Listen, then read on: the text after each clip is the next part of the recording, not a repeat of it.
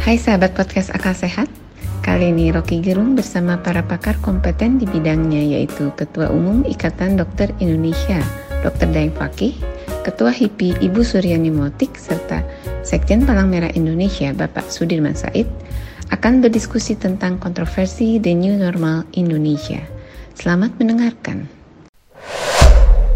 Ke kesakitan eh, kepemimpinan kita itu betul-betul udah stadium 4 yang tadi sekarang ini adalah kepemimpinan yang buruk, gagal bunuh diri, lalu dia metastasi. Loh itu memang yang terlihat sakit kepala paracetamol, sakit lambung itu antasida, tapi itu ada simptom dari cancer stadium 4. Jadi mestinya memang kemoterapi bukan sekedar paracetamol dan uh, antasida. Nah kita ingin mengucapkan itu bahwa kepemimpinan hari ini harus mengalami kemoterapi dengan risiko atau selamat dia tewas. Kita mesti tega menganalisis sampai ke tingkat itu supaya tidak ada lagi bisik-bisik atau saling menduga si ini nanti jadi pesaing segala macam. Jadi saya ingin uh, selalu punya semacam optimisme bangsa ini tidak pernah kehilangan stok pikiran. Sialnya pemerintah hari ini ingin menghalangi pikiran itu. Jadi tugas pemerintah mestinya dia uh, menghalangi penyakit ini dia menghalangi pikiran, menghalangi akal sehat.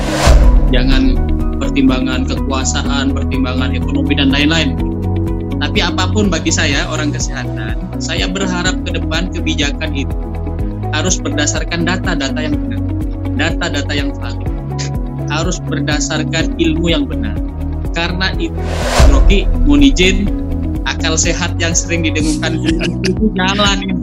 Karena akal sehat itu konsumsinya hanya data yang betul, hanya uh, apa uh, uh, basis ilmu. Kalau akal sehat basis data dan basis ilmu. New normal adalah kita punya harapan new kind of Indonesia. Dan menurut saya e, bisa diserahanakan dengan mengatakan bahwa yang kita butuhkan dalam new normal ke depan adalah pemimpin yang bisa menghadapi krisis yaitu pemimpin yang mengandalkan sains yang bisa menjaga konsistensi policy kemudian bisa melakukan public engagement. Krisis ini akan panjang dan diperlukan a true capability dari pemimpin Baik, selamat sore Bapak-bapak dan Ibu, uh, Bu Wiwi, Pak Rocky Gerung, Pak Sudirman Said dan Pak Daeng Fakih. Uh, Oke, selamat sore. Dengan uh, ini orang-orang hebat semua di bidangnya masing-masing, walaupun bidangnya satu sama lain biasanya terkoneksi. Uh, sore ini atau kali ini kita akan bicara tentang new normal. Uh, saya kira dunia nggak suka dengan istilah new normal karena kemarin itu World Economic Forum bicara bukannya new normal tapi mereka bicara the great reset gitu loh. Jadi hmm. ada kayaknya akan ada tata tatanan baru mungkin baik dalam bermasyarakat, sosial, berinteraksi, kemudian juga dalam kaitan dengan ekonomi. Nah, di Indonesia mungkin dikenal dengan istilah the new normal. Saya ingin uh, mungkin ke Bung Rocky dulu ya. Sebenarnya setelah ini setelah COVID nih, apa ya kira-kira yang akan terjadi ke depan? Dunia nih atau Indonesia akan ke mana ya? Bagaimana sih orang uh, ke depan ini kira-kira? Dan secara filosofis gitu, apakah istilah yang kita gunakan ini new normal ini tepat gitu? Mungkin saya mau mulai dari Bung Rocky dulu kali ya. Waduh, ini ini pertanyaan kayak ujian disertasi itu. Pertanggungjawaban konseptual sampai pada akar filosofinya dan ini soal yang berat. Mudah-mudahan yang berat ini bisa dibikin ringan dalam percakapan sore ini. Saya berusaha ringankan itu. Ya, saya amati bahwa istilah the new normal itu akhirnya jadi semacam soundbite semacam istilah yang gemar diucapkan, diartikulasikan oleh presiden, para menteri, pejabat daerah tuh. Karena kita kehilangan kosakata untuk menerangkan apa sebetulnya yang kita harapkan ke depan. Jadi kalau kita bilang the new normal, lalu kita bilang apa yang new supaya kita bisa sebut nanti kita akan memperoleh yang normal. Gak ada yang bisa jawab. Presiden juga pasti cuma dibisikin, sebut aja new normal. Apa tuh new normal? Berdamai dengan corona. Ya bukan itu kan maksudnya. New normal artinya pelonggaran PSBB. Juga bukan itu maksudnya. New normal itu harus menghasilkan satu perubahan kualitatif dalam ilmu kedokteran misalnya harus ada perubahan struktur kimia dari tubuh manusia, bukan sekedar perubahan fisika yang sekedar perubahan kuantitatif, tapi perubahan kualitatif, perubahan kualitas, kualitas energi politik, kualitas uh, value dalam economics, kualitas cara kita menghayati lingkungan. Hari ini kebetulan orang masih merayakan kemarin adalah uh, uh, Environmental Day hari hari lingkungan sedunia. Hari lingkungan hidup dunia. Hari lingkungan hidup sedunia. Ya. Jadi kita ingin ingin proyeksikan apakah Indonesia nanti akan mengalami a new kind of Indonesia gitu. Bukan sekedar new Indonesia tapi a new kind, jenis baru. Jenis yang betul-betul lengkap menghasilkan uh, alam pikiran keadilan sosial. Kalau kita hitung misalnya, coba kita lihat cepat-cepat. Berita tadi di Amerika sekelompok masyarakat kulit putih berlutut di depan masyarakat kulit hitam. Sebelumnya polisi sudah berlutut di depan uh, masyarakat publik kulit hitam untuk minta maaf terhadap uh, rasisme. Barusan akan ada gelombang lagi bahwa orang kulit putih dengan kesadaran penuh berlutut untuk minta maaf terhadap 200 tahun rasisme cara pandang yang yang merendahkan terhadap uh, orang kulit hitam itu. Jadi itu muncul justru ketika ada COVID karena pembentuk penganiayaan terhadap uh, Floyd, orang dapat momentumnya untuk bertobat yang menganggap bahwa ada superioritas kulit putih di Amerika. Kalau itu kita anggap sebagai the new normal, itu betul-betul perubahan kualitatif.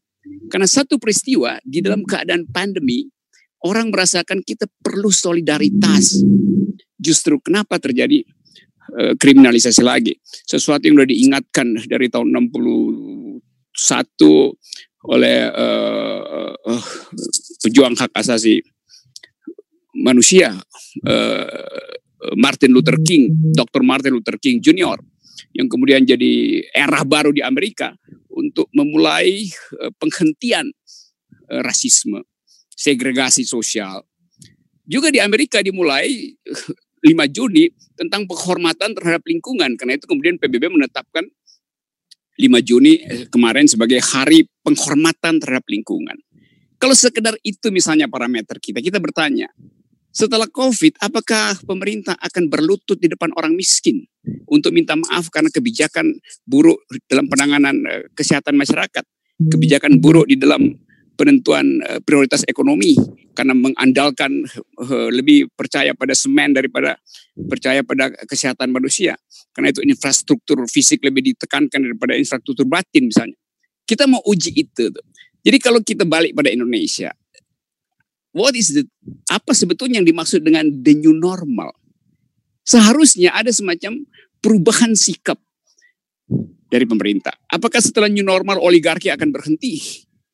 Apakah secara new normal demokrasi tidak lagi memakai threshold untuk menghalangi eh, partai-partai lain men kecil mencalonkan presiden? Kalau itu tidak terjadi, maka istilah new normal itu jadi semacam uh, letupan di bibir aja tuh, yang hanya bisa kita dengar suaranya, tetapi isinya tidak ada tuh. Sekedar uh, apa namanya kalau istilah lagu people hearing without uh, listening. Ya, ya. Jadi kita cuma dengar aja istilah the new normal sebagai gabungan dari uh, tiga suku kata the new normal tanpa kita pahami apa itu new di dalam normalitas nanti itu. Karena pemerintah nggak pernah terangkan apa itu new normal. Nah, Betul. itu mengakibatkan publik menganggap new normal artinya balik lagi ke mall. New normal artinya boleh lagi korupsi. Nah, itu soal yang mendasar sekali. Kalau kita uji lagi misalnya segi hukumnya itu. Kalau misalnya udah ada the new normal, berarti undang-undang kedaruratan, perpu tentang yang udah jadi undang-undang tentang corona, yang di, dimaksudkan berlaku sampai 2022, mesti berhenti sekarang kan? Karena udah udah the new normal. Jadi mesti udah berlaku pidana bagi bagi pemerintah yang ma masih uh, menaikkan uh, di atas tiga uh, uh, apa namanya plafon utang itu yang dinaikkan sampai 2022 tuh. Jadi berbagai macam kebijakan yang sekarang begitu dikasih parameter the new normal, mestinya kita ukur berdasarkan kemampuan pemerintah untuk membaca dirinya sendiri. Jadi apa itu the new normal? Adalah cermin buat pemerintah. Anda udah normal apa belum itu? Bukan buat rakyat sebetulnya. Karena seluruh kebijakan hari ini itu disebabkan oleh ketidakmampuan melihat apa yang menjadi esensi dari penanganan COVID ini. Yaitu kemanusiaan yang adil dan beradab. Keadilan sosial bagi seluruh rakyat Indonesia. Itu yang tidak terjadi. Nah apalagi kalau kita uh, pakai pengetahuan dari para dokter. Bahwa new normal itu mestinya terjadi secara kurvanya betul-betul turun. Jadi peaknya udah dicapai, baru mulai bicara tentang the new normal. Kalau aparat COVID ini masih merangkak naik, masih creeping, ngapain ngomong tentang the new normal kan? Jadi kekacauan-kekacauan pikiran itu yang masuk ke kita. Dan pers sepertinya habis energi untuk mengulas itu baik di di dalam eh, tajuk rencana atau kolom-kolom ini mengakibatkan kita kehilangan uh, kemampuan untuk menganalisis keadaan kita. Nah karena itu ber, berkumpul lah segala macam isu setiap kali ya, ada isu yang mulai meledak meresahkan publik, pemerintah akan berupaya untuk ban isu itu dengan segala macam aparat kekuasaan yang dimiliki. Orang berpikir new normal mestinya mulai dong demokrasi juga dibikin new.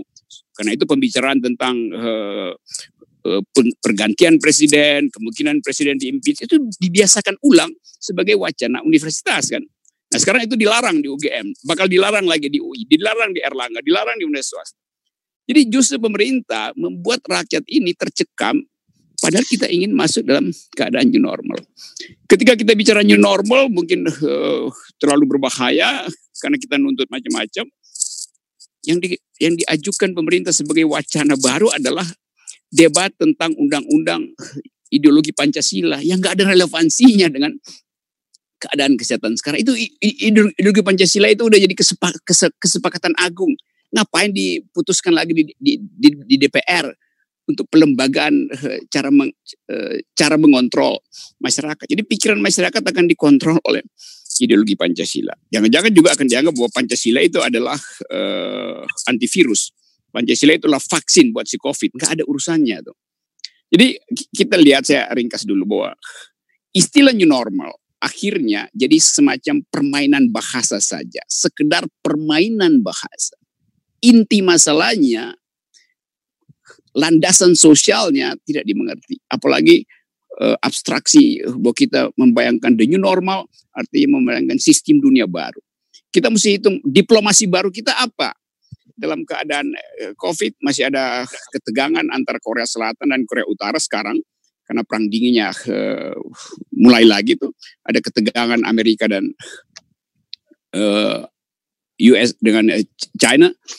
Dan itu pemerintah seolah-olah menganggap bahwa itu ya itu urusan global kita urusan dalam negeri.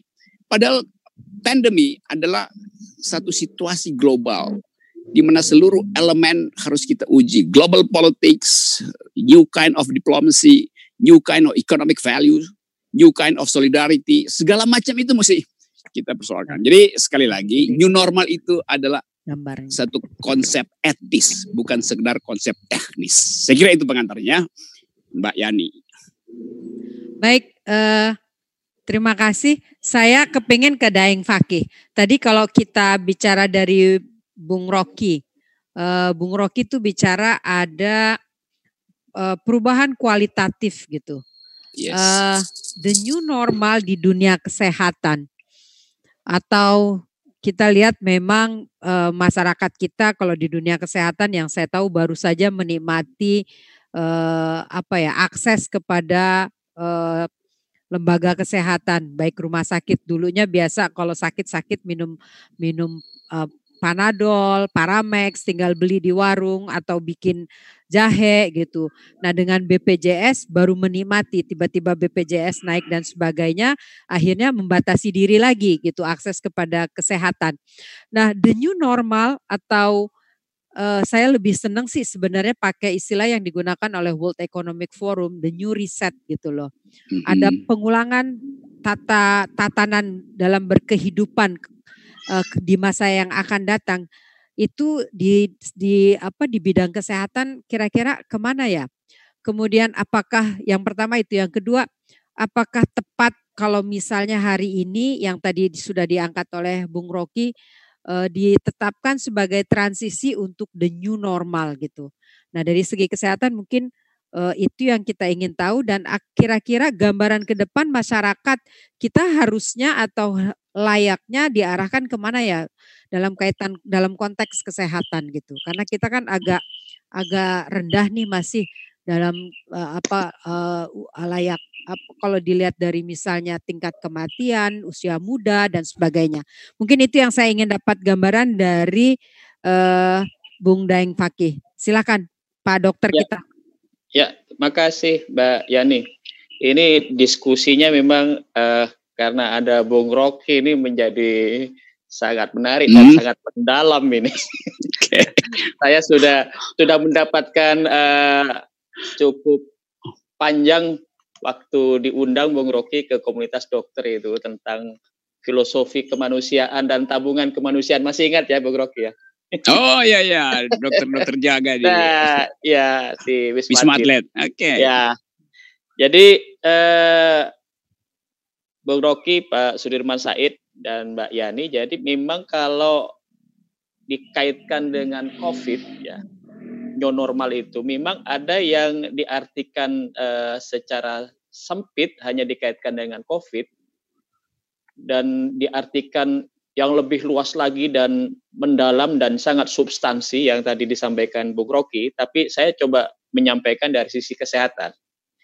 Kalau uh, secara teknis dikaitkan dengan COVID, memang new normal ini uh, mungkin semua semua ini semua lembaga kesehatan dunia ini hampir sama, hampir sama penerjemahannya. Jadi uh, sebuah uh, kondisi yang kita berhadapan dengan ancaman virus, ya, dengan ancaman COVID.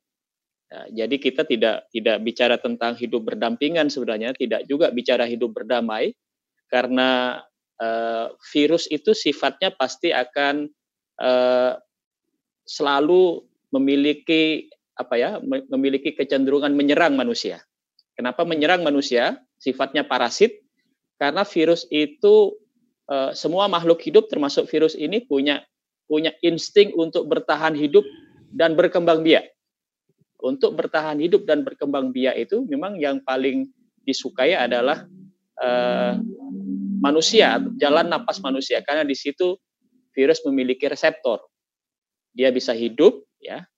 Dia bisa berkembang biak. Oleh karena itu memang uh, istilah uh, hidup berdampingan atau istilah berdamai dengan COVID memang uh, kalau diterjemahkan uh, dengan di tengah-tengah ancaman virus mungkin memang kurang kurang kurang pas. Yang yang paling pas itu kalau kalau kita uh, hidup di tengah-tengah ancaman dan kita harus mampu beradaptasi uh, dari ancaman tersebut. Manusia mungkin hidup di di tengah ekosistem ya. Makhluk hidup mana pun mungkin Bung Rocky nanti akan memperdalam nih pasti akan satu sama lain akan terjadi saling apa ada ada ada keberuntungan ada juga ancaman ada kelemahan dan ada kekuatan. Pasti akan seperti itu. Nah, sekarang ini ada ancaman baru bagi manusia. Ancaman yang lain mungkin kondisi alam dan lain-lain yang selalu berubah. Nah, ini ancaman yang juga diterima oleh uh, komunitas manusia. Kemudian manusia itu Eh, dari ancaman yang begitu lama ini dia harus hidup dan harus survive. Oleh karena itu memang kata-kata yang sangat tepat itu bagaimana dia uh, dalam kehidupan new normal bisa beradaptasi dan kemudian menjadi survive manusia. Dari segi uh, kehidupan kesehatannya tentunya kami melihat dari sisi uh, kesehatannya.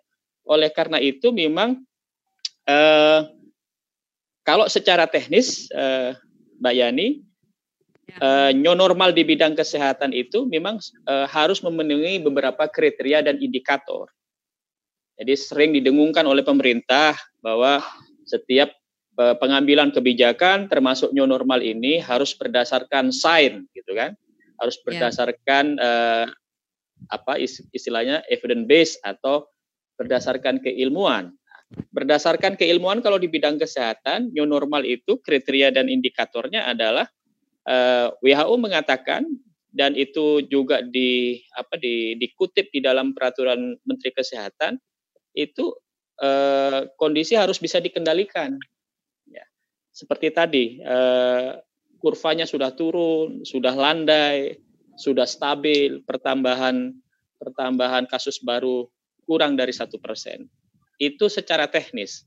Kemudian syarat yang lain adalah selain indikator dan kriteria yang tercapai, ya, itu harus dilakukan eh, persiapan-persiapan. Persiapan-persiapan yang dilakukan adalah yang pertama betul-betul menyiapkan eh, eh, teknik atau cara mendeteksi, cara memeriksa terhadap semua orang yang dicurigai. Itu harus disiapkan. Katanya pemerintah sudah mendorong pemeriksaan massal PCR. Jadi kita kita akan uji apakah betul pemeriksaan PCR yang disiapkan oleh pemerintah sudah efektif, sudah bagus, ya, ataukah masih kurang. Ya. Yang kedua, mempersiapkan pelayanan kesehatan eh, yang dikhususkan untuk perawatan COVID kalau sewaktu-waktu kemudian timbul uh, new normal ini kemudian uh, apa dikhawatirkan di kemudian hari justru akan membuka uh, penularan lebih banyak sehingga tempat pelayanan itu disiapkan. Kemudian yang ketiga adalah menyiapkan protokol kesehatan yang harus dilakukan. Ya.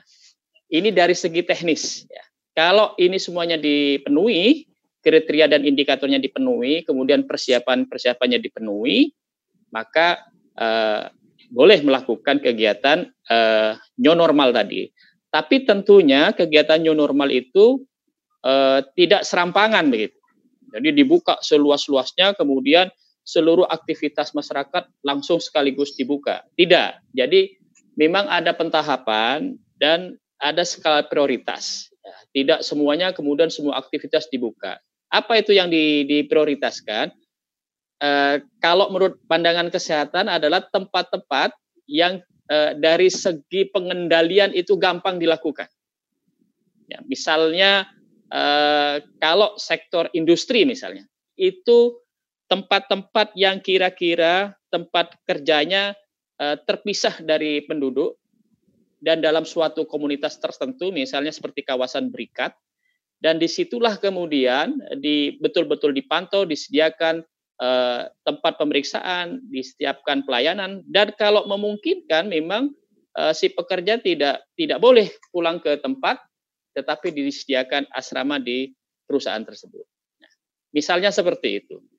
Kemudian misalnya eh, tempat-tempat ibadah atau kantor yang secara budaya kerja oleh manajemen, ya, itu gampang sekali kemudian diupayakan untuk para pekerja atau komunitasnya disiplin melakukan eh, protokol kesehatan. Jadi harus dinilai secara secara apa? Secara satu persatu mana aktivitas yang eh, secara bertahap dibuka, mana yang kemudian eh, belum dibuka sambil dinilai nanti eh, pada gilirannya mungkin terakhir akan dibuka. Misalnya perdebatan yang panjang tentang sekolah ya. Di Indonesia perdebatannya sekolah kalau dibuka dikhawatirkan menular menularkan pada anak-anak. Meskipun di negara-negara lain seperti Jerman, Korea Selatan dan Singapura kalau nggak keliru, itu sekolah sudah dibuka dengan me, tetap melaksanakan protokol kesehatan. Misalnya kalau di sekolah itu memakai face shield, kemudian memakai masker, eh, social distancing, jaraknya dijaga, dan lain-lain.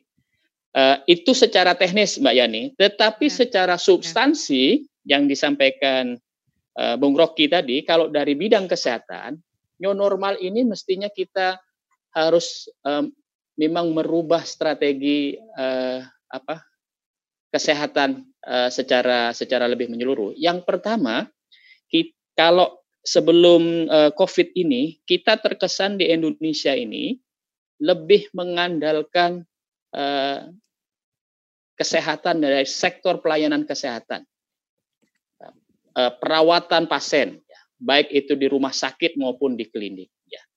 Dengan new normal ini, ya, dengan kejadian COVID ini, kita menjadi sangat yakin bahwa sebenarnya yang dibutuhkan masyarakat itu eh, yang paling penting bukan kemudian dia sakit kemudian dirawat. Kalau itu dilakukan, itu yang pertama eh, produktivitasnya akan turun, ya. Kemudian biaya sangat besar dilakukan, ya. Memang memang kalau di, di perawatan eh, penyakit itu bisnisnya lumayan besar, Mbak Yani. Jadi bisnis alat, bisnis obat dan lain-lain. Nah, tetapi eh, ke depan ini seharusnya kita merubah paradigma di bidang kesehatan yang sebenarnya dari awal dulu dilakukan didengung-dengungkan sebenarnya bahwa paradigma sehat itu lebih baik dari paradigma sakit begitu. Jadi mencegah orang supaya tidak sakit, tetap sehat itu jauh lebih eh, baik, jauh lebih efisien dan jauh lebih eh, benefitnya untuk SDM eh, masyarakat Indonesia lebih baik karena eh, produktivitasnya tetap dijaga. Kemarin-kemarin paradigma itu mungkin hanya menjadi slogan, tapi sekarang mestinya kita harus rubah begitu. Rubahnya seperti apa? Harus ada komitmen memang dari segi kebijakan bahwa promotif preventif itu yang sering disampaikan menjelang pilpres begitu kalau di bidang kesehatan promotif preventif promotif preventif tapi tidak pernah dilakukan begitu di dalam kenyataan kebijakan itu tidak pernah dilakukan yang dilakukan kemudian ya tetap aja eh, kebijakan kesehatan dalam rangka pelayanan medis yang paling banyak. Padahal yang didengung-dengungkan strategi kesehatan itu adalah promotif preventif. Nah, kita melihat eh, kalau mau merubah ke paradigma itu, maka paling tidak pemerintah dalam kebijakannya, dalam strategi kebijakannya, promotif preventif itu betul-betul didorong.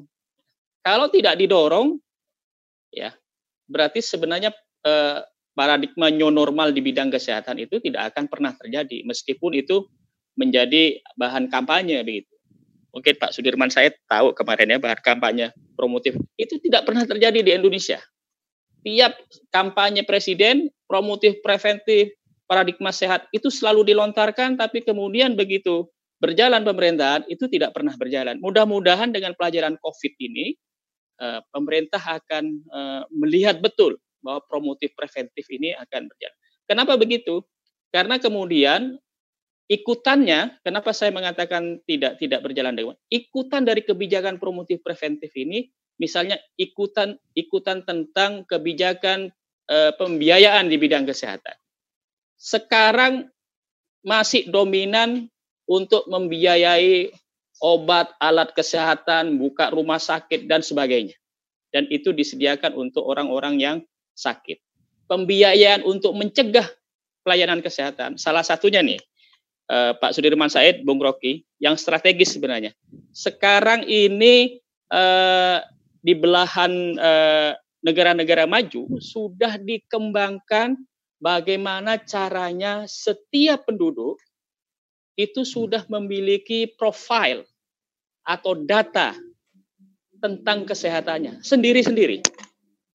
Hmm. Bahkan di Korea Selatan memiliki undang-undang khusus namanya pemeriksaan kesehatan. Pemeriksaan kesehatan itu untuk melihat profil kesehatan seseorang. Per orang memiliki profil itu. Apakah uh, dia memiliki kecenderungan terhadap penyakit tertentu uh, ataukah tidak ya? Ataukah dia sudah mendekati sakit tertentu ketahuan semua. Dengan ketahuan semua, database-nya ada semua, dibantu oleh teknologi eh, IT yang canggih, semuanya penduduk mengetahui dan pelaksana pelayanan kesehatan mengetahui, maka di situlah paradigma promotif preventif akan timbul. Di Indonesia ke arah situ uh, satu jengkal pun tidak tidak dilakukan, Bung. Hanya kegiatan-kegiatan puskesmas melakukan penyuluhan-penyuluhan di lapangan yang banyak. Jadi memang dengan new normal ini kalau mau bicara substansi, maka kita harus merubah sebenarnya eh, dari yang kita beratnya ke ngobati orang sakit, nah sekarang eh, rakyat kita itu betul-betul dijaga, diketahui profil kesehatannya, diketahui secara genetiknya, ya, kecenderungannya ke mana. Nanti kalau sudah usia sekian bisa kanker, bisa jantung, dan lain-lain, itu sangat bisa diketahui. Kalau kita betul-betul komit uh, uh, promotif preventif. Dan di situlah kemudian uh, rakyat betul-betul dijaga. Prioritas pertama rakyat harus dijaga dia supaya tidak sakit. Kalau kemudian yang memiliki kecenderungan sakit, ya dia dijaga supaya kecenderungan sakit ini tidak muncul menjadi sakit. Kalaupun muncul terjadi sakit, dia sakitnya tidak memberat. Kalau ini dikerjakan, maka satu produktivitas SDM kita akan luar biasa karena dia tidak akan gampang jatuh sakit. Yang kedua, nggak usah bingung-bingung biaya J, biaya BPJS, Bung Rocky, pasti akan yeah secara otomatis akan tertekan karena kita dari awal sudah menjaga supaya sehat, yang cenderung sakit itu tidak menjadi sakit lebih berat. Itu yang pertama secara substansi. Yang kedua, kita sadar dengan dengan COVID-19 ini Bung Rocky di bidang kesehatan, seluruh eh, aspek pelayanan kesehatan, seluruh industri eh, kesehatan di Indonesia ini tidak mandiri, Bung Rocky nggak ada yang mandiri. Masker pun ternyata tidak mandiri kita. Masih masih ngambil dari luar. Masker pun yang sederhana. Apalagi kita bicara obat virus, apalagi bicara ventilator, apalagi bicara vaksin. Saya sebelum ini jam jam 2 tadi sampai sampai tadi mendekati setengah empat masih bicara tentang bagaimana Indonesia membuat vaksin sendiri dengan kekuatan sendiri karena selama ini kita tergantung dari luar. Ya. Obat-obatan COVID semuanya ngambil dari luar. Alatnya juga semua dari APD dari luar. Nah ini kita sadar bahwa kita ini sangat rentan. Kalau bicara ketahanan kesehatan nasional, kita sangat rentan. Makanya kalau menurut saya pemerintah sekarang dengan kondisi sekarang harus sadar bahwa ketahanan kesehatan kita ini rendah ya. Kemampuan untuk membantu rakyatnya dengan kekuatan sendiri rendah. Mudah-mudahan dengan new normal uh, kita semua sadar ya, terutama memang pemerintah sebagai yang diamanai oleh Bung Rocky, ya, pemerintah diamanai Bung Rocky, Mas Said, itu sadar sekarang dengan dengan kondisi begitu, kami berharap kalau di bidang kesehatan new normal secara substansi, kemudian pemerintah betul-betul mendorong uh, kebijakan kesehatan yang betul-betul bertumpu pada promotif preventif, tidak menunggu orang menjadi sakit baru kemudian diobati. Yang kedua, membuat kemandirian untuk eh, apa istilahnya eh, baik eh, pelayanan kesehatan maupun industri kesehatan di tanah air itu didorong untuk bisa mandiri, menjadi trendsetter, tidak tidak hanya menunggu dari dari luar ya, apakah itu produksi alatnya maupun guideline guideline-nya maupun panduan-panduannya. Ini sekarang kita masih terus terang Bung Rocky di Indonesia ini tidak ada guideline di, yang dibuat sendiri oleh kita berdasarkan riset. Belum ada Bung Rocky. Mm, yeah. Ah, produksi alat kesehatan, obat dan lain-lain sudahlah hampir 100% itu dari luar. Nah, ini kita harus sadar dan dan sebenarnya Bapak Presiden pernah bilang hilirisasi hilirisasi tentang farmasi, hilirisasi tentang alat kesehatan, tapi belum jalan nih Bung Rocky. Ya, jadi yang jalan, yang jalan operasi intelijen. ya barangkali dengan hikmahnya COVID ini ya eh, dua substansi di kesehatan akan akan didorong oleh oleh kita semua tentunya. Terima kasih Mbak Yani.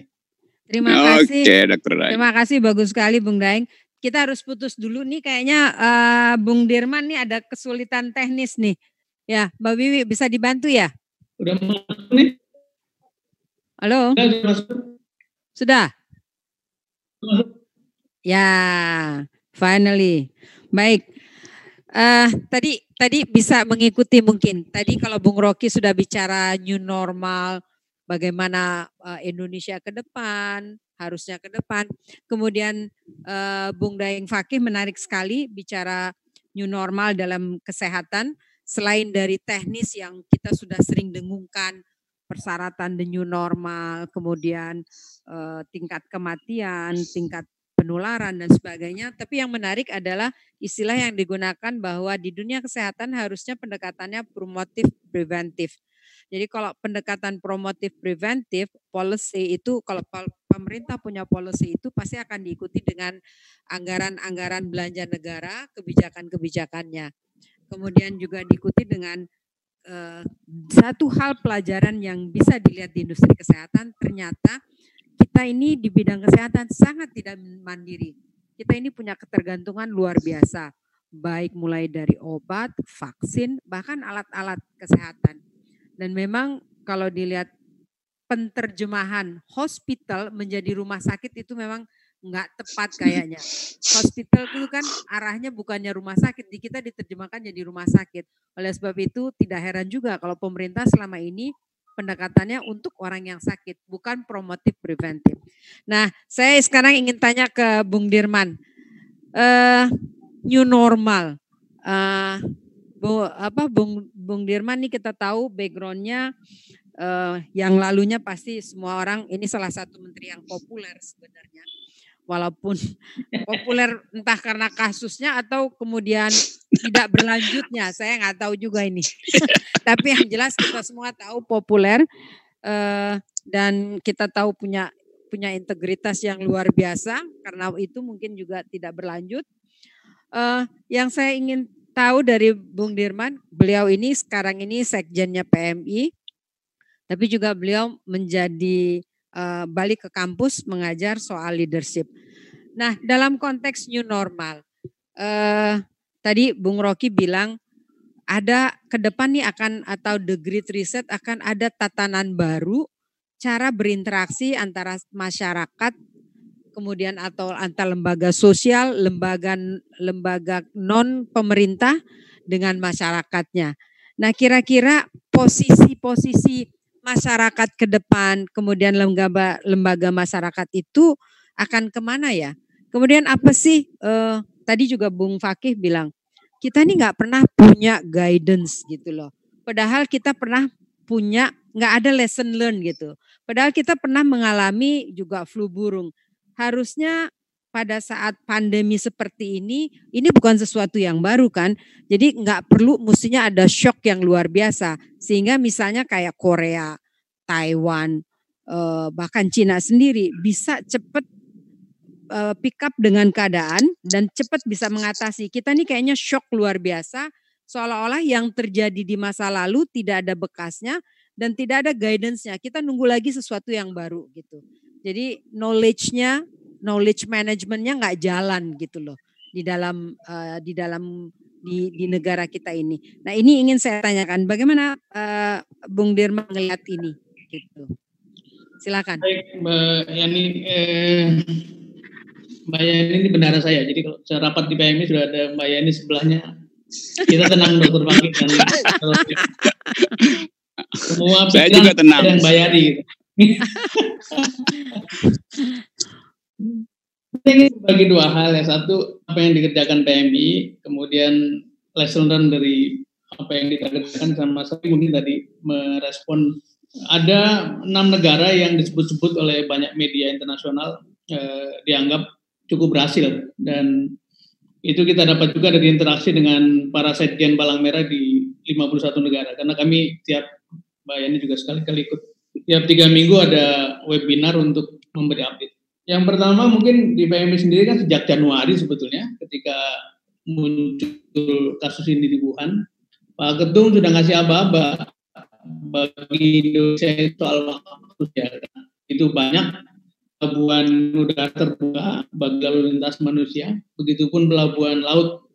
Jadi eh, dan kita sangat apa ya lose kontrol terhadap traffic itu. Jadi karena itu sejak dulu eh, sebelum dianggap uh, ini soal serius, PMI sudah melakukan kampanye-kampanye penyadaran publik, uh, penyebaran pamflet, uh, pakai medsos, keliling kampung dengan pengeras suara, uh, itu para relawannya bergerak di seluruh Indonesia. Dan begitu kasus itu muncul bulan Maret, maka kita tingkatkan operasinya dan uh, kita bangun gudang darurat di sebelah markas PMI, kita operasikan hampir 600 armada baik motor, uh, pickup sampai gunner gitu.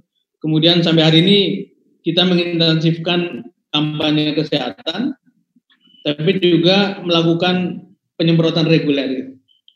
Apa yang kita pelajari dari proses ini semua, alhamdulillah ternyata nomor satu masyarakat kita ini masyarakat yang punya adjustability luar biasa.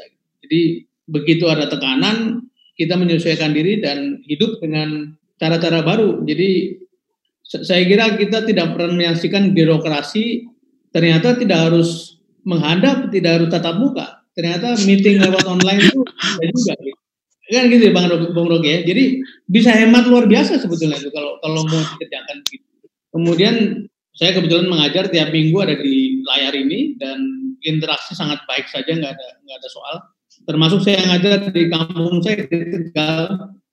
Anak-anak Tegal itu hmm. biasa dengan interaksi semacam jadi kemampuan adjustment sebetulnya dari masyarakat luar biasa. Itu yang pertama. Yang kedua kita juga belajar betapa solidaritas itu mudah sekali dibangun. Ada satu riset yang mengatakan bahwa Indonesia ini negara yang sebetulnya tingkat kedermawanannya sangat tinggi termasuk lima terbaik di dunia gitu dan terutama ketika muncul masalah-masalah seperti ini itu muncul sikap kedermawanan dan saya kira Mbak Yani juga tahu hari ini kita menerima sumbangan dari mulai ikatan siswa STM, guru-guru di kampung. Jumlahnya dari mulai ratusan ribu sampai puluhan juta. Sampai pada karyawan-karyawan e, institusi seperti OJK, LPS, karyawan perusahaan. Sampai hari ini terus ada terima sumbangan dan memang tidak semuanya besar, tapi itu menunjukkan bahwa kepedulian masyarakat begitu tinggi. Begitupun ketika kami minta tolong kepada siapa pun untuk melakukan operasi-operasi yang tadi saya sebutkan, itu nggak pakai jeda langsung ya jalan. Kementerian PU, Kementerian KLH, eh, Kemlu, Pemda, Pemda, Koperasi dan sebagainya, TNI, Polri, semuanya bergerak, Pramuka juga, eh, organisasi keagamaan, semuanya seperti tidak punya jarak, untuk turun tangan. Memang ada unsur eh, dua hal menurut saya. Kebetulan Pak JK adalah orang yang eh, apa namanya diterima di mana-mana sehingga eh, dengan cepat bisa mengakses. Yang kedua juga barangkali karena institusinya Palang Merah kan memang organisasi kemanusiaan yang netral, yang apolitis, yang bisa hanya jadi tapi ini eh, hajat mengatasi COVID ini luar biasa menjadi uh, simbol atau menjadi panggung dari terbangunnya solidaritas, solidaritas sosial. Nah, yang kedua yang saya adalah enam negara tadi. Ini menarik Mbak Yani. Eh, Bapak juga paham ini atau mengikuti ini. New Zealand, Korea Selatan, Jerman, Vietnam, Denmark dan Taiwan itu dianggap negara-negara yang lebih cepat bisa mengendalikan COVID. Uh, empat hal yang sering disebut oleh oleh berbagai publikasi. Nomor satu disebabkan karena pendekatannya pendekatan saintifik, pakai data, mendengar ahlinya, kemudian tidak ada uh, politisasi yang berlebihan, semuanya fokus pada keselamatan manusia, itu yang pertama. Jadi they use scientific approach, pendekatan scientific. Yang kedua, polisinya konsisten. Jadi tidak ada keraguan, maju ya maju, tidak ada maju mundur, tidak ada berubah-ubah. Sehingga berdampak yang ketiga. Yang ketiga adalah public engagement-nya kuat. Jadi dukungan masyarakat kuat karena tahu bahwa dasar dari kebijakan didasari pada sains, pada ilmu pengetahuan. Yang kedua, konsisten sehingga kemudian engagement dari publik luar biasa. Nah, yang keempat, faktor leadership. Leadershipnya efektif. Sebagai pengajar kepemimpinan, saya coba minta tolong anak-anak nih. Coba dicek itu background pemimpin di enam negara itu seperti apa gitu. Dan ini menarik, Bung Rogi, menarik. Misalnya, misalnya New Zealand.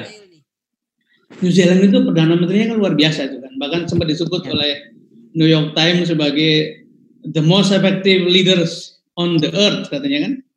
Ternyata dia tidak hanya seorang aktivis dan juga sarjana komunikasi politik, tapi juga dia pernah magang sebagai stafnya Perdana Menteri kedua eh, perempuan, yaitu eh, Perdana Menteri eh, Helen Clark. Jadi dia mengalami political school yang luar biasa, sehingga ketika menghadapi kerumitan ini, ya dia kan menjadi brand trust dari mesin politik nasional pada waktu itu. Sehingga ketika dia duduk sebagai pemimpin, ya sudah tinggal mendownload saja gitu.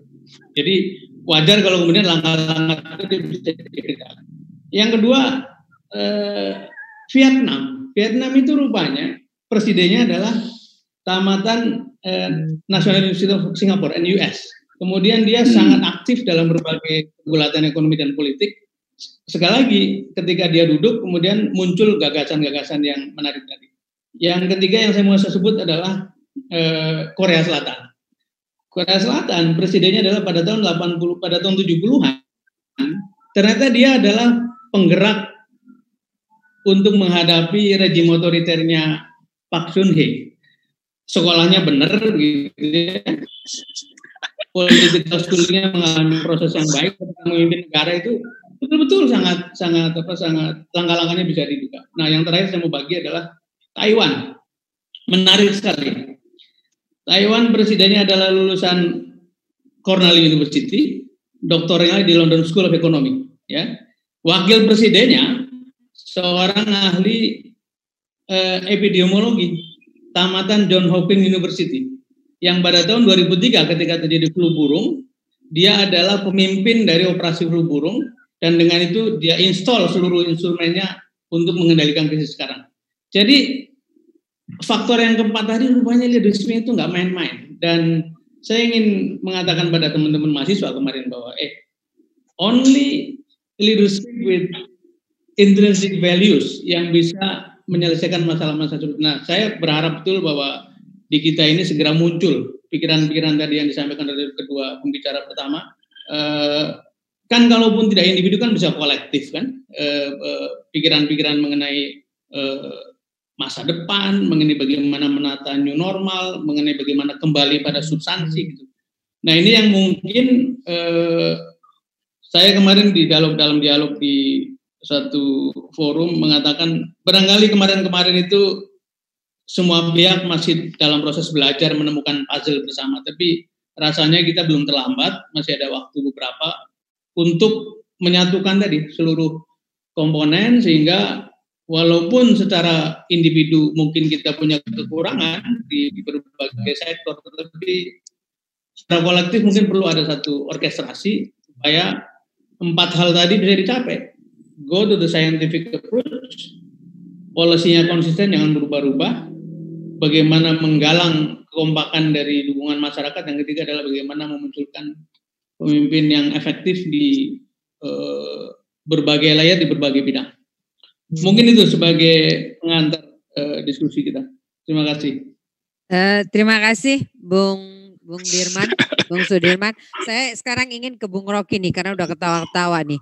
Mau mau apa mau apa saya mau minta Bung Rocky menanggapi uh, statement okay. terakhir dari Bung Sudirman. Given the current situation gitu loh mm-hmm. di kita.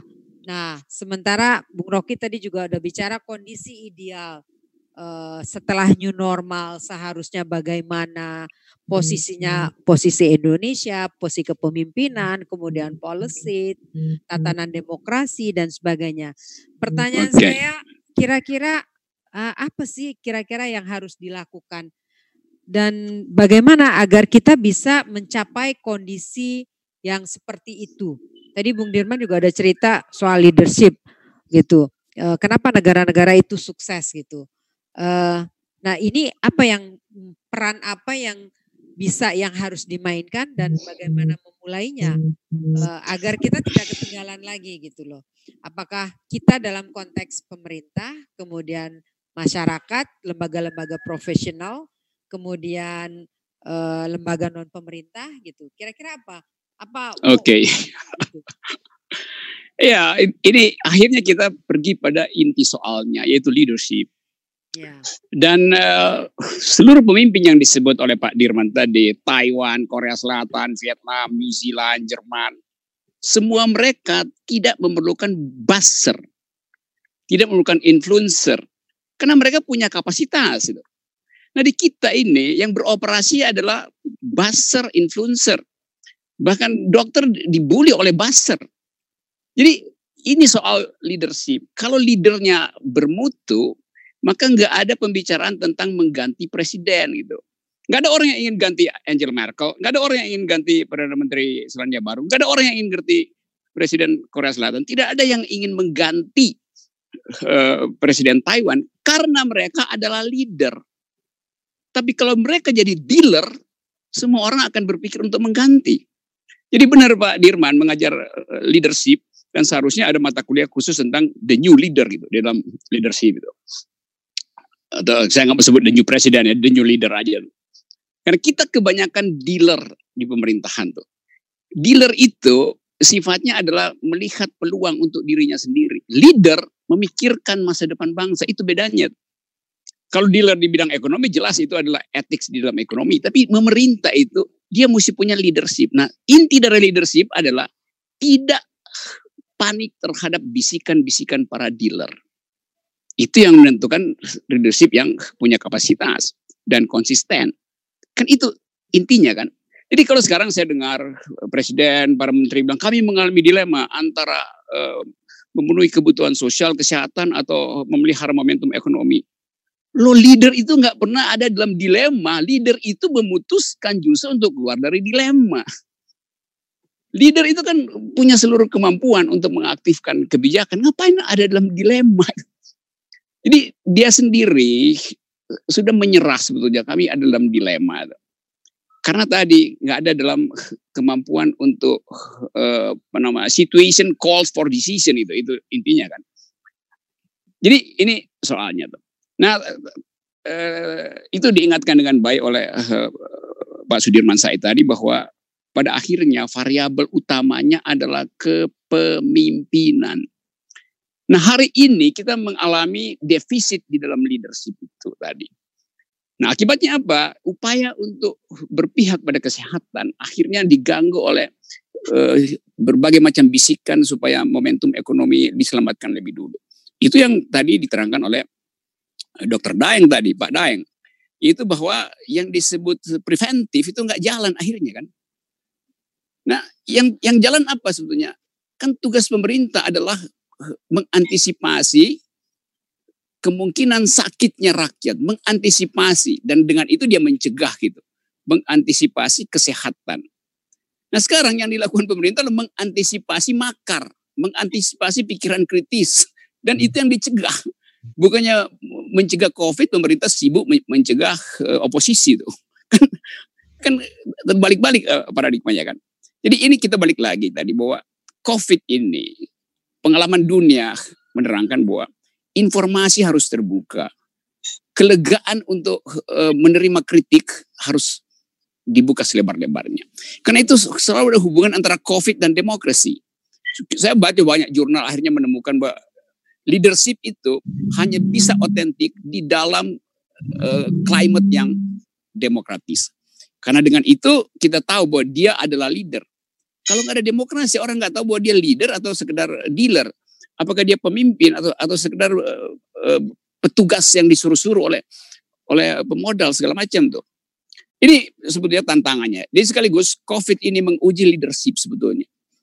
Nah karena itu saya bisa katakan bahwa pemilu 2024 masih jauh, tetapi uh, nggak kita nggak perlu KPU lagi karena KPU kita namanya COVID sekarang. Dia udah uji siapa yang bisa memimpin di 2024 tuh.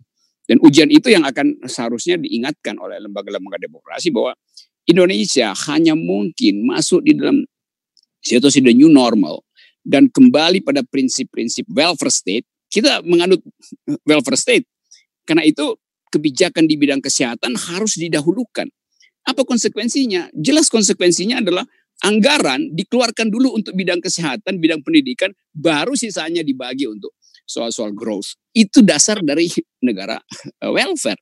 Lain kalau kita mau ambil prinsip uh, apa namanya monetaris dari dari uh, Chicago School dengan konsekuensi menjadi negara neoliberal, oke, okay, silahkan soal uang aja.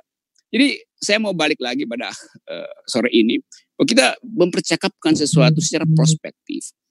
Nah, konsekuensi dari bercakap-cakap secara prospektif artinya kita mengevaluasi yang today's politics tadi, current issue hari ini adalah leak of leadership itu. Jadi saya kira itu uh, uh, tanggapan saya yaitu uh, sebagai bangsa kita diuji sekaligus apakah kita sehat dan mampu untuk kompetisi nanti secara global setelah era Covid ini selesai dan kemampuan itu akan ditentukan oleh siapa yang layak memimpin Indonesia dalam satu dua tahun ke depan setelah diuji kepemimpinannya di dalam cara penanganan COVID. Saya kira ini uh, lesson learnnya yang mungkin bisa di di ya disosialisasikan sejak sekarang bahwa kampanye politik itu artinya kampanye kemampuan hari ini memimpin uh, penanganan COVID, bukan masuk di dalam dilema dan menganggap bahwa uh, kekuasaan selalu harus memilih antara ini. Enggak, kekuasaan itu menentukan, bukan memilih. Memilih itu ujian kekuasaan. Jadi decision adalah inti dari leadership. Itu Mbak Yani. Uh, terima kasih Bung Rocky. Saya ingin lanjut ke Bung Daeng Fakih. Ini statement Bung Rocky terakhir. Welfare state. Uh, kalau memang welfare state, seharusnya kesehatan menjadi leadnya, begitu.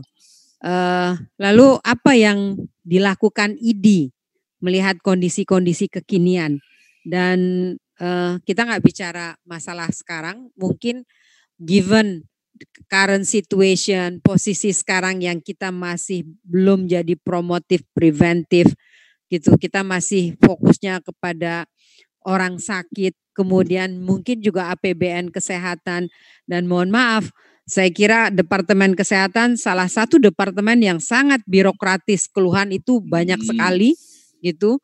Departemen yang paling susah diajak maju begitu. Itu itu keluhan dari banyak pihak gitu. Dan dokter itu mungkin juga teman-teman dokter masih dianggap sebagai dokter. Mungkin kalau kita sering ada joke orang yang paling tahu tentang dirinya tapi tidak tahu tentang di luar dirinya gitu. Nah, padahal yang dibutuhkan hari ini adalah dokter yang memikirkan rakyatnya untuk kesehatan gitu. Nah, kira-kira ya.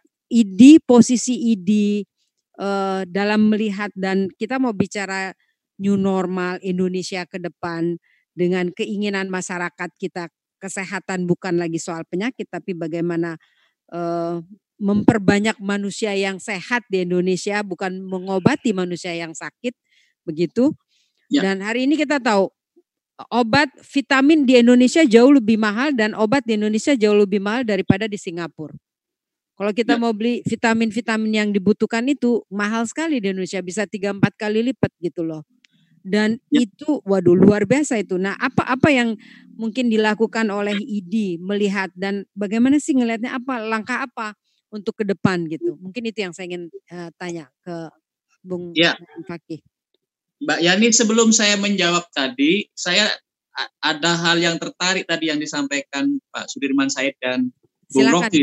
Nah, Silakan. yang disampaikan Bung Rocky tadi kata-kata antisipasi berkaitan dengan ini mungkin di di istilah kesehatan eh, jarang ya terminologi antisipasi. Tapi tadi kalau kita mau mengawinkan eh, new normal secara substansi di bidang kesehatan dengan kita harus merubah uh, new paradigm ya paradigma baru pelayanan dari dari yang kita konsentrasi orang sakit ya kepada mencegah orang sakit kemudian dikawinkan dengan uh, uh, kita harus menjaga ketahanan uh, kesehatan nasional. Itu kalau dikawinkan duanya keduanya itu kata kuncinya adalah antisipasi. Kemampuan kita mengantisipasi segala kemungkinan, segala sesuatu, agen atau apa pun ya, atau benda atau sub, substan apa pun atau zat apa pun atau kondisi apa pun yang kira-kira akan mengancam kondisi kesehatan bangsa. Ini mungkin yang masih lemah kita. Kemarin sudah sudah di Wuhan sudah berkembang, sudah nyampe Singapura, sudah hmm. nyampe dekat-dekat tetangga kita, tetapi rupanya daya antisipasi kita yang yang mungkin kurang. Nah itu uh, saya tertarik tadi kata-kata Bung Rocky. Jadi hmm. kalau mau mengawinkan dua paradigma baru di bidang kesehatan yang substansi, yaitu promotif preventif dan ketahanan kesehatan, maka kita harus berani meningkatkan daya antisipasi. Kalau di, di istilah kedokteran itu deteksi dini, deteksi cepat secara dini. Nah, itu yang kemampuan kita masih belum. Kemudian betul sekali kalau Pak Sudirman Said tadi sama Bung Rocky mengatakan uh, leadership itu sangat sangat sangat penting di bidang kesehatan sangat penting. Di bidang kesehatan itu dikenal istilahnya bukan leadership uh, Bung Rocky tapi uh, penggerak di bidang kesehatan. Penggerak di bidang kesehatan itu penting. Yang kami harapkan sebenarnya menggerakkan bidang kesehatan itu ya atau atau bidang-bidang yang terkait kesehatan ya memang harus kuat dilakukan. Kalau enggak enggak jalan itu mesin. Makanya di bidang kesehatan itu yang paling penting adalah menggerakkan kalau istilahnya bidang kesehatan itu pemberdayaan e, masyarakat. Supaya masyarakat bisa bersama-sama penggeraknya itu melakukan budaya kesehatan. Jadi memang e, di bidang kesehatan kuncinya juga leadership sebenarnya. Bukan hanya memberikan pelayanan, tetapi ada istilah UKBM, upaya kesehatan berbasis masyarakat, di mana penggerak kesehatan atau pimpinan di instansi kesehatan itu bisa menggerakkan seluruh masyarakat, ya, melakukan upaya-upaya supaya dia bisa sehat. Nah, di situlah kemudian pentingnya saya sepakat tadi kalau kalau leadership ini dalam uh, menggerakkan masyarakat, mengambil keputusan, mengambil kebijakan supaya tepat ya. Saya tidak pakai istilahnya Bung Rocky tidak tidak apa? tidak tidak mendengarkan pembisiknya, tapi saya kembalikan lagi pada istilah saya kembalikan lagi pada istilah bahwa mengambil kebijakan itu memang seharusnya berbasis ilmu pengetahuan, berbasis uh, time, berbasis data, berbasis evidence base. Karena berbasis data, berbasis evidence base itu berarti berbasis fakta yang terjadi. Ya, Karena fakta yang terjadi itu yang mau diselesaikan. Jadi kalau berbasis lain selain fakta yang terjadi, maka pasti fakta yang terjadi itu akan susah diselesaikan.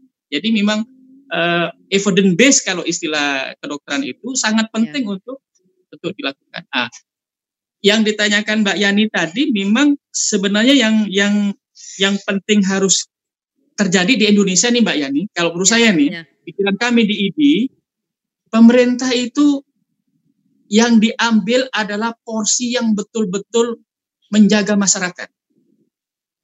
Pelayanan publiknya yang diambil. Jangan fokus kepada pelayanan kesehatan private. Hmm. Nah, sekarang ini pemerintah masih fokus ke pelayanan private. Jadi harus ada restrukturisasi di pelayanan kesehatan bahwa fokus pemerintah itu pelayanan publik. Pelayanan private sebenarnya itu bisa diserahkan ke pihak swasta. Jadi pemerintah tidak perlu berpikir banyak tentang pelayanan private karena pelayanan private itu eh, dananya yang dibutuhkan besar sekali, besar sekali. Kalau itu dibebankan kepada pemerintah, pemerintah akan kewalahan. Mestinya pemerintah hanya eh, lebih bersifat sebagai regulator, ya, kemudian mempersilahkan eh, swasta berpartisipasi, ya, kemudian ditata bagaimana cara partisipasinya. Pemerintah fokus di pelayanan yang ke arah publik. Ini sekarang layanan ke arah publik ini terkesan kurang, tapi layanan terhadap private ini bisa, uh, dikasih contoh konkret uh, uh, contoh pelayanan pada publik misalnya? Yang yang yang publik ini misalnya bagaimana memodifikasi lingkungan hmm. supaya lingkungan itu sehat tidak menjadi ancaman bagi masyarakat. Bagaimana memodifikasi perilaku uh, semua warga supaya warga dalam dengan perilakunya dia tetap sehat tidak terancam sakit. Nah, kembali lagi sebenarnya pada paradigma promotif preventif karena promotif preventif itu lebih ke arah sebenarnya public public service, public domain. Nah, sekarang yang menjadi menjadi menjadi fokus pemerintah kadang-kadang rumah sakit rujukan, rumah sakit ini. Jadi jadi betul-betul yang sifatnya private, pelayanan private hanya uh, pelayanan kalau di di kita pelayanan individu. Di di kesehatan itu ada upaya kesehatan masyarakat, ada upaya kesehatan perorangan. Nah, titik tekan sekarang pemerintah di upaya kesehatan perorangan. Mestinya pemerintah upaya kesehatan perorangan ini bisa kemudian uh, pemerintah hanya bersifat regulator, ya, uh, mengatur, menata dengan baik, mengawasi dengan baik, itu dipersilakan uh, pihak swasta, ya, pihak NGO apa pun yang yang bisa berkontribusi hmm. supaya pemerintah lebih fokus kepada UKM, upaya pelayanan kesehatan. Di beberapa negara sebenarnya seperti itu yang terjadi. Bahkan yang saya dengar di Jepang itu klinik-klinik dan rumah sakit banyak yang tidak ter, diurusi oleh pemerintah. Pemerintah hanya mengurusi rumah sakit-rumah sakit yang memang uh, rumah sakit ini dikhususkan untuk riset, untuk pengembangan dalam hal pelayanan, pengembangan dalam hal kebijakan. Tapi yang murni pelayanan private itu biasanya memang diserahkan ke private. Pemerintah apa yang dilakukan pemerintah? Melakukan mengkhususkan pada pelayanan-pelayanan publik bagaimana mengubah lingkungan menjadi sehat, bagaimana mengikut sertakan masyarakat supaya perilaku hidupnya menjadi sehat. Itu Mbak Yani. Ya, terima kasih, menarik sekali. Dan uh, ke uh, apa Bung Dirman ya, tadi bicara soal leadership gitu. Apakah hari ini kita kelihatannya agak krisis sama sama persoalan leadership gitu. Apa yang salah ya? Apakah sistem kita yang nggak memungkinkan uh, apa orang-orang yang punya strong leadership, leadership yang kuat muncul begitu? Uh, at, uh, atau kayaknya dari dulu juga kita nggak pernah melihat di Indonesia orang-orang yang punya kapasitas leadership yang bagus bisa muncul. Nah mungkin itu yang yang saya ingin tanya gitu loh. Kira-kira apa yang yang yang salah dengan dengan bangsa ini, dengan masyarakat ini? Gitu. Mungkin itu yang saya ingin tanya. Menyambung kepada poinnya Mbak Yani. Tadi yang baru saya ceritakan itu kan soal sekolah formal gitu ya. ya. Kebetulan they went to branded uh, universities gitu ya. Tentu saja proses penyaringannya begitu baik, kemudian kebetulan dalam proses menuju kepada peran pimpinan puncak itu mengalami schooling yang luar biasa. Tapi apa sih yang mau dibangun sebetulnya? Dalam keadaan normal itu kan orang sering menyebut beberapa karakter dasar, misalnya integritas, kompetensi baik teknikal maupun manajerial, visi begitu ya. Kemudian kemampuan menggerakkan potensi. Ini kan karakter dasar yang dibutuhkan, apalagi pada pimpinan puncak di berbagai organisasi. Tapi ada kata-kata begini,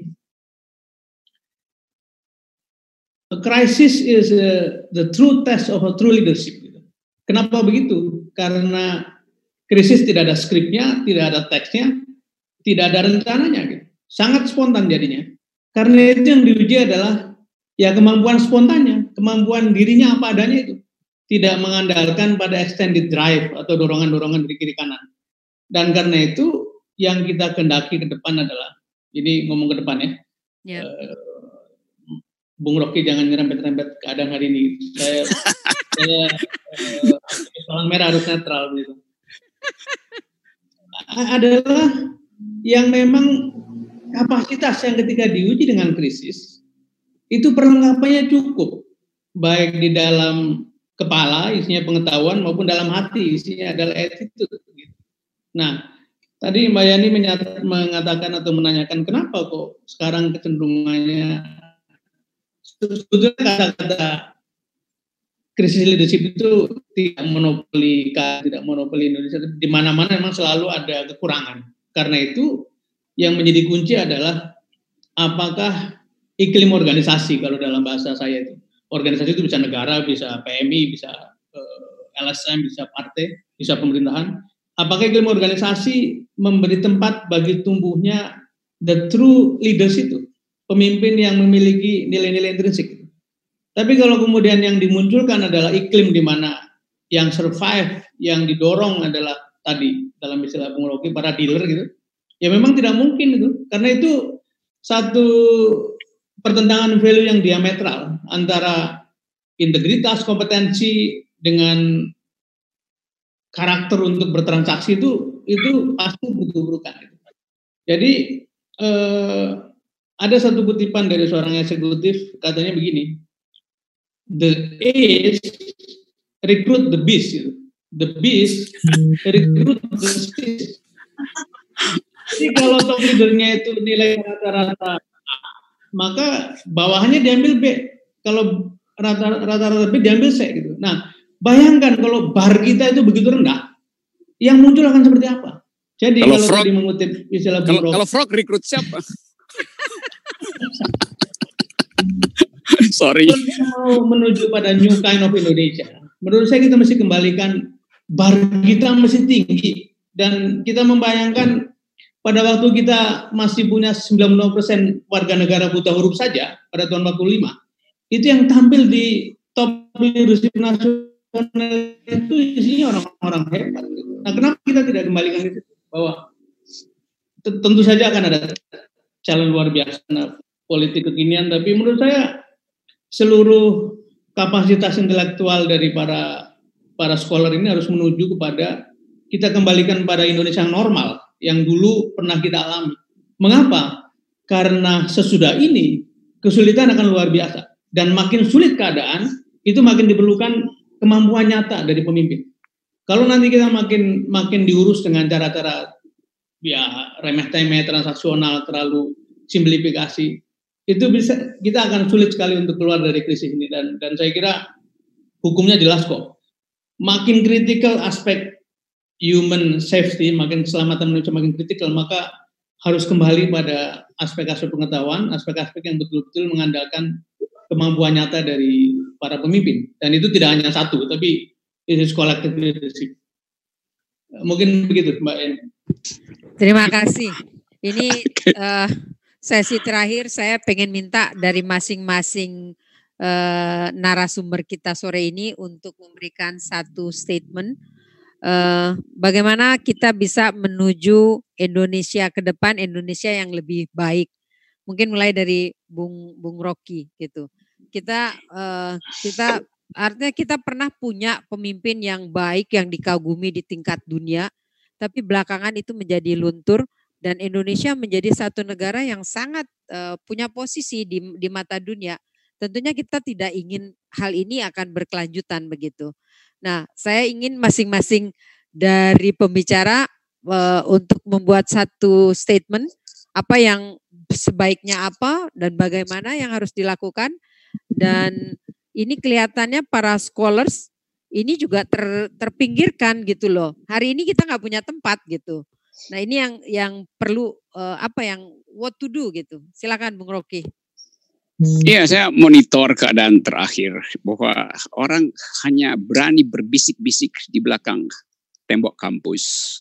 Takut ketahuan pikirannya tuh. Orang berbisik-bisik di belakang uh, meja kerja birokrasi. Orang berbisik-bisik di belakang uh, tongkat komando tuh. Tetapi kita tahu bahwa bisik-bisik itu pada akhirnya nggak bisa tidak bisa dikasih silencer dia pasti akan cari outlet. Itu sifat dari uh, keresahan sosial. Dan kita ada di dalam situasi itu. Potensial jadi krisis, jadi social unrest. Tapi pemimpin hari ini tidak memahami itu atau mengabaikan itu. Jadi ini tingkat ke kesakitan uh, kepemimpinan kita itu betul-betul udah stadium 4. Nah yang beri terapi apa itu? Kalau kita belajar sedikit tentang teori sel, sel itu kalau dia menjadi sakit, tubuh kita punya kemampuan alam Tuhan memberi kemampuan sel itu untuk bunuh diri supaya nggak mengganggu sel yang sehat. Namanya kalau nggak salah apoptosi Pak Daeng. Kalau ya. selnya bunuh diri, maka yang sampingnya itu selamat. Tapi kalau dia ya. gagal bunuh diri, dia metastasis. Yang terjadi sekarang ini adalah kepemimpinan yang buruk, gagal bunuh diri, lalu dia metastasi. Lalu dianggap bahwa ini penyakitnya ya memang simptomnya adalah sakit kepala. Lalu di simptomnya dikasih paracetamol. Simptomnya adalah apa namanya gastroesophagus reflux disease, jerut, sakit mah. Dikasih antasida. Lo itu memang yang terlihat sakit kepala paracetamol, sakit lambung itu antasida, tapi itu ada simptom dari cancer stadium 4. Jadi mestinya memang kemoterapi bukan sekedar paracetamol dan uh, antasida. Nah kita ingin mengucapkan itu bahwa kepemimpinan hari ini harus mengalami kemoterapi dengan risiko atau selamat atau dia tewas. Kita mesti tega menganalisis sampai ke tingkat itu supaya tidak ada lagi bisik-bisik atau saling menduga si ini nanti jadi pesaing segala macam. Jadi saya ingin uh, selalu punya semacam optimisme. Bangsa ini tidak pernah kehilangan stok pikiran.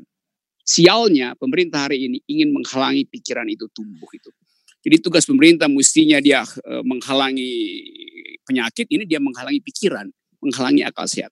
Nah forum sebanyak ini webinar, setiap hari kita sekarang dibiasakan dengan the new normal, maksud dalam webinar, dimaksudkan untuk memelihara kesehatan akal pikiran demi kesehatan bangsa di masa depan. Terima kasih.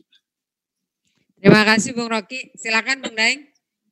Ya, Mbak Yani, saya hanya sedikit mengomentari di di belakang ini. Jadi orang itu selalu mengatakan mengelola negara sebaiknya apa uh, mengutamakan masalah hukum, jangan pertimbangan kekuasaan, pertimbangan ekonomi dan lain-lain. Tapi apa pun bagi saya orang kesehatan, saya berharap ke depan kebijakan itu harus berdasarkan data-data yang benar, data-data yang valid, harus berdasarkan ilmu yang benar. Karena itu yang Bung Rocky Gerung mengatakan akal sehat itu sebuah sebuah alat untuk mengolah data yang benar sebenarnya, untuk mengolah pengetahuan sebenarnya. Kalau kita lakukan berbasis pengetahuan, berbasis data, maka fakta yang terjadi itu akan terpecahkan dengan baik. Jangan sampai kebijakan ke depan, terutama di bidang kesehatan, kemudian tidak tidak diambil berdasarkan data-data yang tepat, sehingga kemudian kebijakannya tidak tidak bisa menyelesaikan secara baik di lapangan. Untuk memperoleh data-data yang betul, kita harus perkuat ini sekarang. Kita tidak punya loh. Di bidang kesehatan agak miskin kita. Baru kemarin waktu kami di uh, diskusi dengan Bapak Penas, memang uh, data kesehatan akan diperbaiki. Mudah-mudahan ke depan pemerintah akan uh, secara serius memperbaiki supaya setiap pengambilan kebijakan data ini menjadi menjadi rujukan dengan jelas. Sehingga Bung Rocky mau izin akal sehat yang sering didengungkan Bung Rocky itu jalan ini. Karena akal sehat itu konsumsinya hanya data yang betul. Hanya uh, apa uh, uh, basis ilmu. Kalau akal sehat, basis data dan basis ilmu, sehingga faktanya uh, bisa terobati secara betul. Barangkali itu, Bayani. Terima kasih. Okay. Uh, eh, Bung Dirman, untuk Indonesia yang lebih baik ke depan, apa yang ingin disampaikan? Silakan.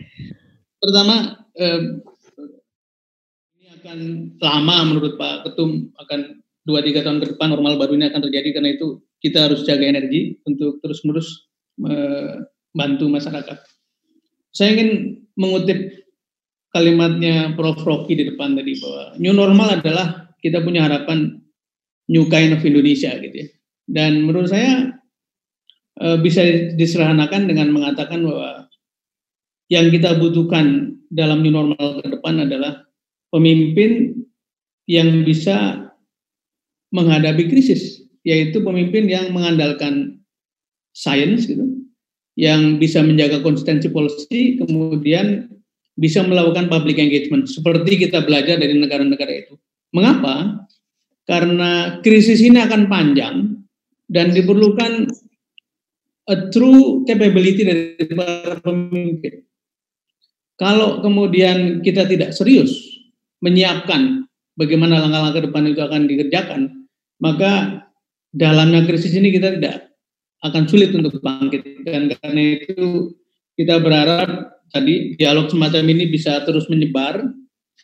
Eh, saya merasakan sebagai orang akademisi juga walaupun saya mengajar di sekolah kedinasan tapi kawan-kawan dosen di berbagai perguruan tinggi merasakan yang dikatakan Bung tadi eh, kebebasan akademik hari ini adalah mengalami tekanan dan saya sering mengibaratkan ini seperti mobil yang pengen dipacu dengan kencang tapi spionnya dicopot, remnya dirusak gitu, speedometernya dirusak sehingga tidak punya alat kontrol. Padahal merek mobilnya apa? SMK apa? Padahal okay. suara-suara kritis, reminder itu adalah kalau kita ibaratkan mobil yang mulai kencang, itu spion, itu speedometer, itu adalah rem. Nah kalau itu semua dirusak, kita berisiko untuk nyemplung bersama. Dan Waduh. kita tidak ingin itu. Mari kita mari kita dorong eh, pikiran-pikiran uh, baik untuk uh, melahirkan collective leadership yang tadi yang betul-betul uh, memiliki value intrinsik yang memiliki integritas, kompetensi, punya visi, kemudian bagaimana mampu menggerakkan seluruh potensi yang kita punya. Terima kasih. Hmm. Value intrinsic, that's the point. Kayaknya Bu Rogi mau kasih komentar gitu. PMI ini jadi PMI itu uh, perhimpunan manusia intelek. amin, amin, amin. Ini dosen semua di sini kan. Iya, iya. Ya. Pak Yani juga dosen. Yani juga dosen. Jadi begitu ini, ini BWM-nya WIWI ini dibikin ini forum pikiran gitu. Kita kita bahas isu yang sekarang isu kontroversial isu tapi tetap dengan perspektif metodologi. Jadi ya ada bercanda-bercanda sedikit tapi tetap kita fokus pada upaya untuk menghasilkan ulang Indonesia yang berpikir gitu kira-kira. Baik, terima kasih semuanya. Ini masukan yang okay. luar biasa. Ini proses pembelajaran juga buat buat saya terutama ini satu ilmu yang saya dapat sore ini luar biasa. Sekali lagi terima kasih.